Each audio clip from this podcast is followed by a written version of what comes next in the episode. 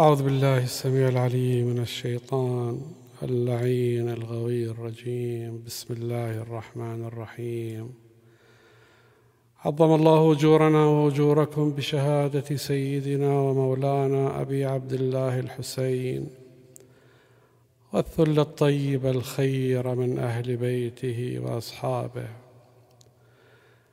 لرسول الله صلى الله عليه وآله وسلم والصديقة الطاهرة. وأمير المؤمنين وأهل بيت العصمة والطهارة سيما خاتمهم. مراجعنا بشكل عام الشيعة الموالين المحبين حار العزاء. بذكرى شهادة أبي عبد الله الحسين وأهل بيته والثلة الطاهرة من صحبه. حديثنا لا يزال تحت هذا العنوان. عاشوراء تصنعنا عرفاء.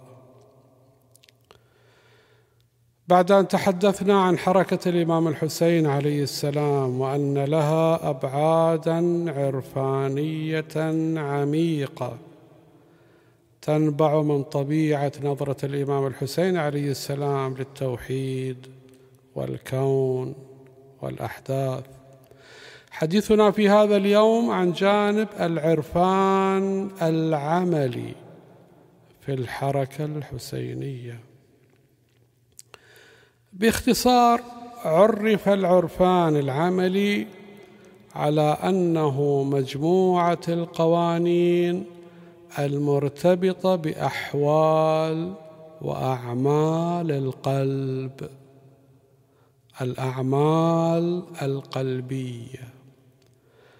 التي تورث الغاية النهائية والكمالات النهائية وهي توحيد الله. الوصول إلى أعلى مرتبة في توحيد الله. ولنقل التوحيد العملي هو الطريقة التي ينتهجها السالك الكاشفه على أنه يرى كل شيء مظهرا لله وآية لله.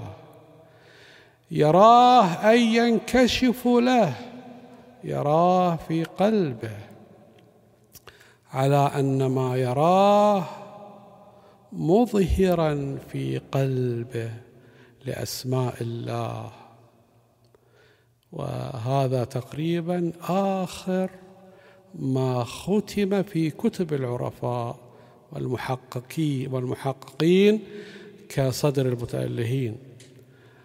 صدر المتألهين ختم هذا المعنى وذكره في كتابه إيقاظ النائمين الجزء الثاني الذي تحدث فيه عن العرفان العملي. طبعا هنا بين قوسين قد تقولون نحن هل نقيس أحوال الإمام الحسين بما يقوله صدر المتألهين؟ كما قلنا هذا القياس غير صحيح وأن هذه العلوم الإسلامية سواء من فقه أو أصول أو علم رجال أو حديث أو عرفان أو فلسفة هي في الحقيقة ليست إلا جمع ما قاله المعصوم صلوات الله وسلامه عليه والنصوص القرآنية قبل ذلك. وسلوك المعصوم فهذه القواعد مأخوذة من أقواله صلوات الله وسلامه عليه. ليس العكس.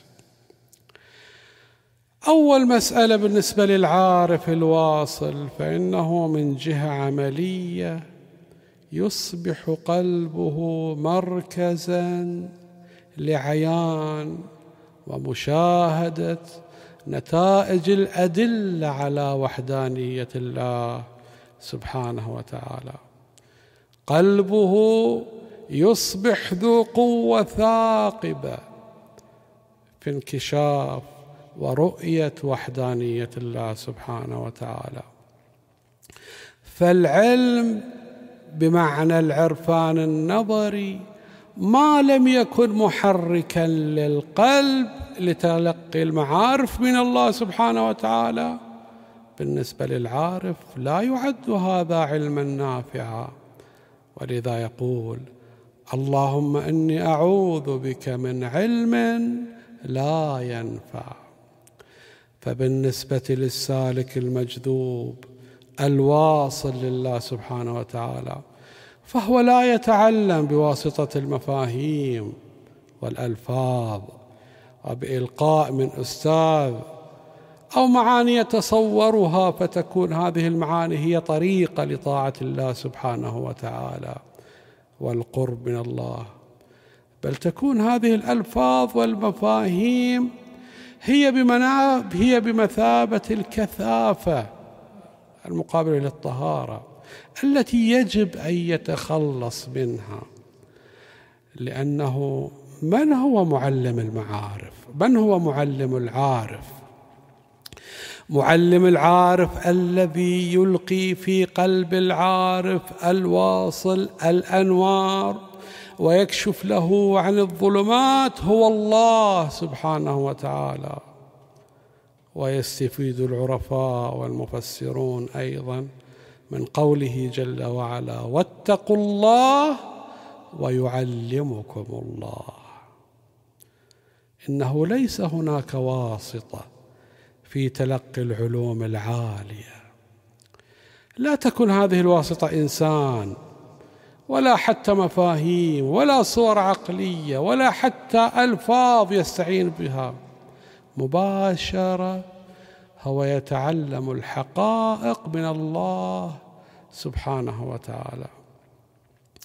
الله سبحانه وتعالى إذا أراد أن يعلم أحد لا أن الله سبحانه وتعالى يلقي في ذهنه تصورات وألفاظ ويتصور معاني هذه الألفاظ.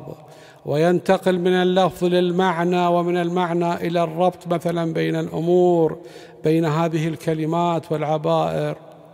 ليس كذلك.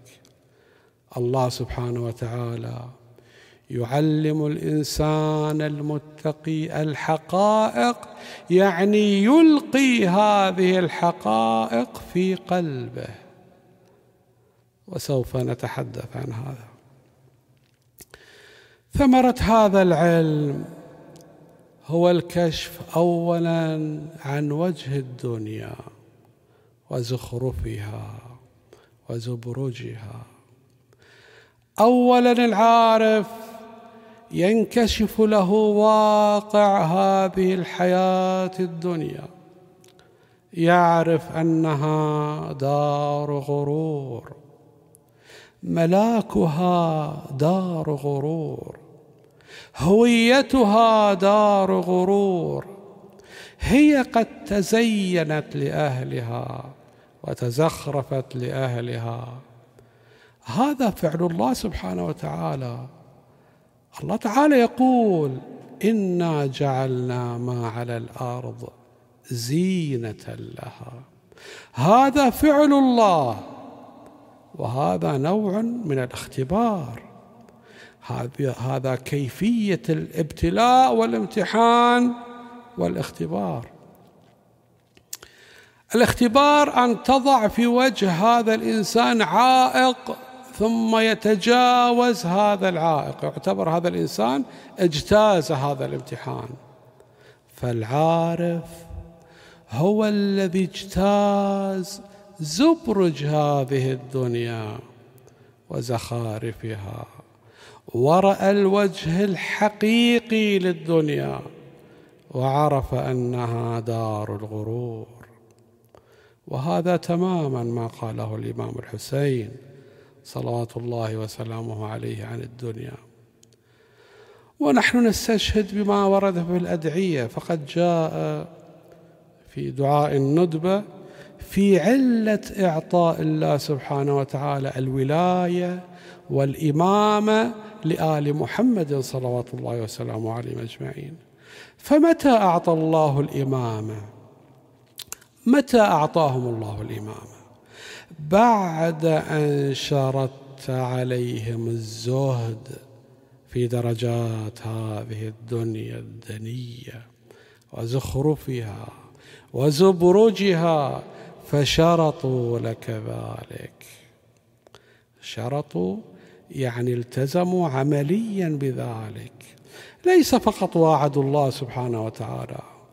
ثم يقول في المقطع الآخر من دعاء الندبة وعلمت منهم الوفاء به فقبلتهم وقربتهم. هنا حصل القرب الإلهي حصلت الجذبة القوية الإلهية الله هو الذي قربهم. الله سبحانه وتعالى هو الذي أخذهم إليه وقربهم إليه. نتيجة هذه الجذبات الربانية والإلهية فإن المحبوب والعارف يصان من محبة الدنيا. كما يعبر الشيخ جوادي ويصان من حب الظهور وجلب الآخرين لأن حب الدنيا رأس كل خطيئة. يقول الشيخ الآملي في قول الله سبحانه وتعالى عن رسول الله صلى الله عليه وآله والأربعة الصديقين أمير المؤمنين والزهراء والحسنين يقول حينما قال الله عنهم إنما نطعمكم لوجه الله لا نريد منكم جزاء ولا شكورا. أحيانا الإنسان يقول عن نفسه أنا قمت بهذا العمل قربة لوجه الله لا أريد إلا وجه الله لا يشكرني أحد. لا أتوقع من هذه الأمة لا شكر ولا رحمة ولا ثناء ولا جزاء. أحيانا الإنسان يقول عن نفسه وأحيانا الله يقول عنه. عندما يصف الله سبحانه وتعالى حال إنسان ويشهد له الله سبحانه وتعالى ويقول إنما نطعمكم لوجه الله. لا نريد منكم جزاء ولا شكورا. هذا المدح الوارد في شأن هذا العارف الإلهي هو أول دلالة على أنه وصل إلى أعلى مقامات انكشاف وجه الله سبحانه وتعالى. لأنه لا يريد إلا وجه الله. لاحظوا إنما نطعمكم لوجه الله لأننا نريد أن يبقى وجه الله سبحانه وتعالى بمعنى أن تبقى أسماء الله سبحانه وتعالى وهذا الذي يظهر ويرشح من التوحيد هذه الأسماء وهذه الصفات. فعندما يطعمون يعطون عندما يهبون عندما يتحدثون عند كل ما يقومون به إنما هو لوجه الله. عندما الله سبحانه وتعالى يقرر هذه الحقيقة أنهم إنما يطعمون ويعطون ويفعلون ويتحركون ويزورون ويصلون ويجاهدون ويحادثون فلان ولا يحادثون فلان كل أعمالهم حفاظا على رؤيتهم لوجه الله. لا نريد منكم جزاء ولا شكورا ولا مدحا ولا ثناء من الناس. عند ذلك تبدأ تنهار من الله سبحانه وتعالى على هذا العارف المدائح العظيمة. ننقل لكم هذه المقولة وهي مقولة الشهيد المطهري. يقول الشهيد المطهري في شأن الرواية الواردة التي أجمع عليها المسلمون قول رسول الله صلى الله عليه وآله في حق الحسن والحسين عليه السلام أن الحسن والحسين سيدا شباب أهل الجنة.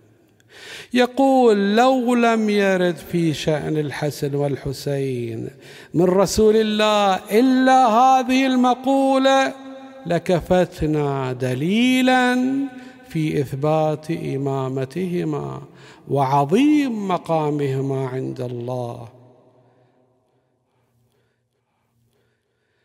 وما وصل إليه من الزلفى بحيث يسيدهم الله سبحانه وتعالى في جنته ويجعل الأمر والنهي كله في يد الإمام الحسن والحسين. متى؟ هل هو في الدنيا؟ الدنيا دار فيها حق وفيها باطل. هذه مختلطة. تلك الدار التي هي دار حق الحاقة. ذلك العالم الذي ليس فيه إلا الحق. بمعنى العالم الذي ليس فيه أصلا شيء يثير شبهة. موضوع الشبهة مرتفع. في ذلك اليوم يكون الحسن والحسين سيدا شباب أهل الجنة بشهادة جميع الخلق قاطبة. هناك يعترف كل الخلق بأنهما صلوات الله وسلامه عليهما أحق بالقرب عند الله سبحانه وتعالى. وذلك العالم ليس إلا انعكاس عن مقامهما في هذا العالم. يقول الشهيد المطهري لو أن المسلمين تمسكوا بهذه المقولة من رسول الله صلى الله عليه وآله لكفتهم. الآن نحاول أن نتحدث بشكل مختصر عن علامات السالك والتي ظهرت في الإمام الحسين صلوات الله وسلامه عليه بوضوح. العرفاء يطرحون علامات دالة على أن هذا السالك قد وصل لله سبحانه وتعالى وهذه العلامات سوف نذكرها هي للإنسان السالك سواء كان في أول الطريق أو في وسط الطريق أو في آخر الطريق أو وصل إلى أعلى قمة. يعني يقول كل مؤمن محب لله مريدا للسلوك إلى الله.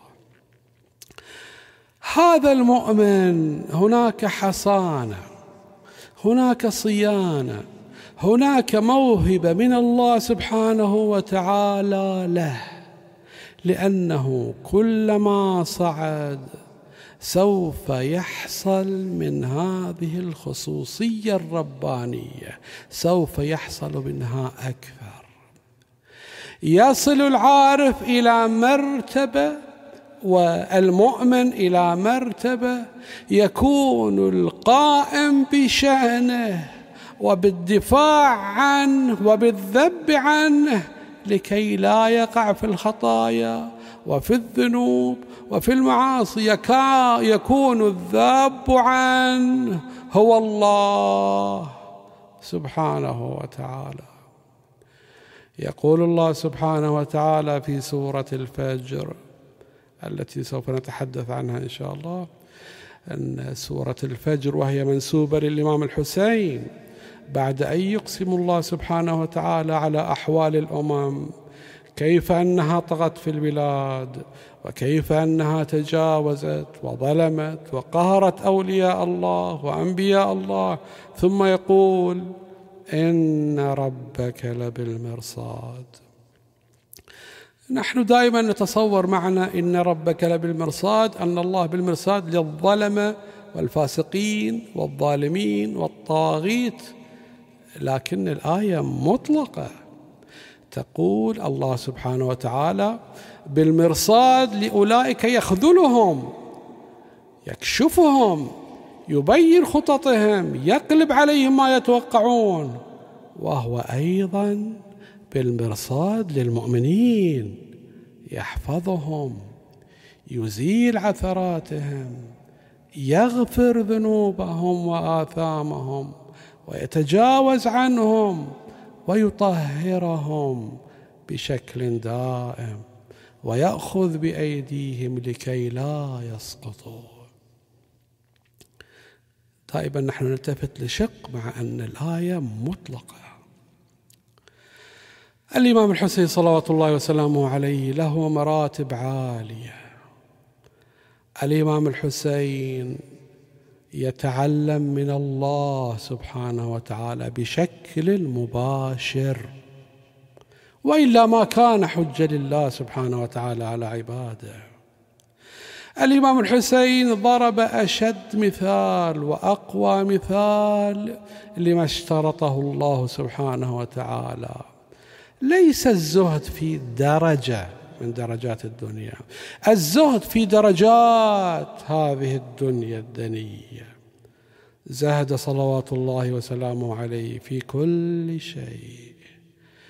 إذا نظرنا إلى حياة الإمام الحسين نجد أنه وفى لله سبحانه وتعالى في كل شيء. وغاية الوفاء هذه المرتبة من الوفاء. التي وصل لها الإمام الحسين التي جعلت لكل شيء اتصل بالإمام الحسين أصبح له أصبح له قيمة وأصبح له منسكا نختم هذه المسألة بهذا البيان. سئل أحد العلماء العرفاء لماذا نجد أن في مكة بعد أن قام نبي الله إبراهيم وأظهر التوحيد. نجد أن الله سبحانه وتعالى سن لكل من ذهب لمكة مناسك ولكل من ذهب لمكة التزامات. هي تعبر وتحاكي لما قام به نبي الله إبراهيم.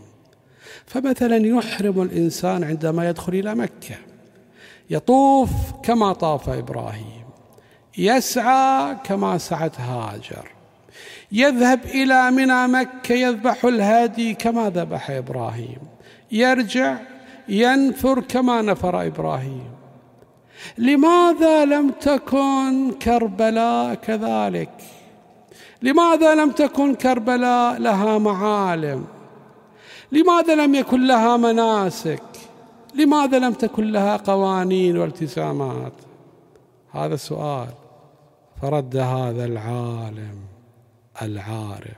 قال محال أن يكون في كربلاء مناسك معينة. لأن إبراهيم عليه وعلى نبينا أفضل الصلاة والسلام كانت له مواقف معدودة محدودة في كل مكان. مثلا في المنحر في منى أراد أن يذبح أراد أن يذبح ابنه إسماعيل. حول البيت طاف نبي الله إبراهيم. عطش إسماعيل فأصبح السعي واجبا ولكن كربلاء. هل يوجد عليها حبة رمل؟ ليس فيها موقف توحيدي للإمام الحسين وأهل بيته وأصحابه.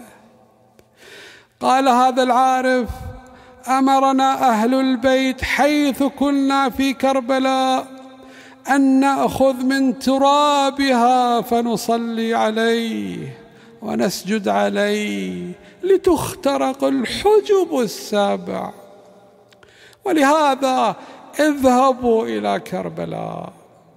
ولهذا اذهبوا مشيا إلى كربلاء. فكل حركة تتحركونها فهي منسك. كل موقف تقفونه فهو منسك.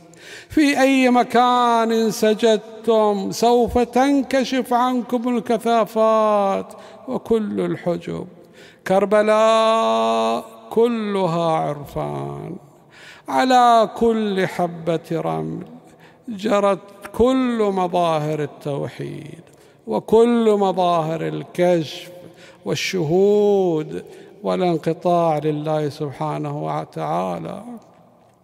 على كل حبة رمل فهنا وقف الحسين هنا خطب الحسين هنا توقف الموكب الذي مع الحسين صلوات الله وسلامه عليه. هنا سقط ابنه الرضيع. هنا خاطبته زينب صلوات الله وسلامه عليها. على هذا الرمل وقف يودع الحر. هنا في هذا المكان سلم بيده الإمام الحسين ابنه علي الأكبر للأعداء. حطوا على الوادي. حطوا على الوادي. يا عزوتي يا رجالي حطوا على الوادي. هذه أراضي جدي. كرب البلا سماها يشرب ثراها دمي وتبخل علينا بمعاها. راضي ألا يا ربي وحطوا على هالوادي.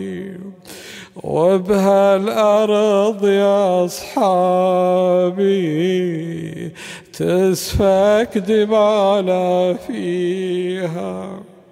وبهالأرض يا أصحابي تهتك حرمنا بيها.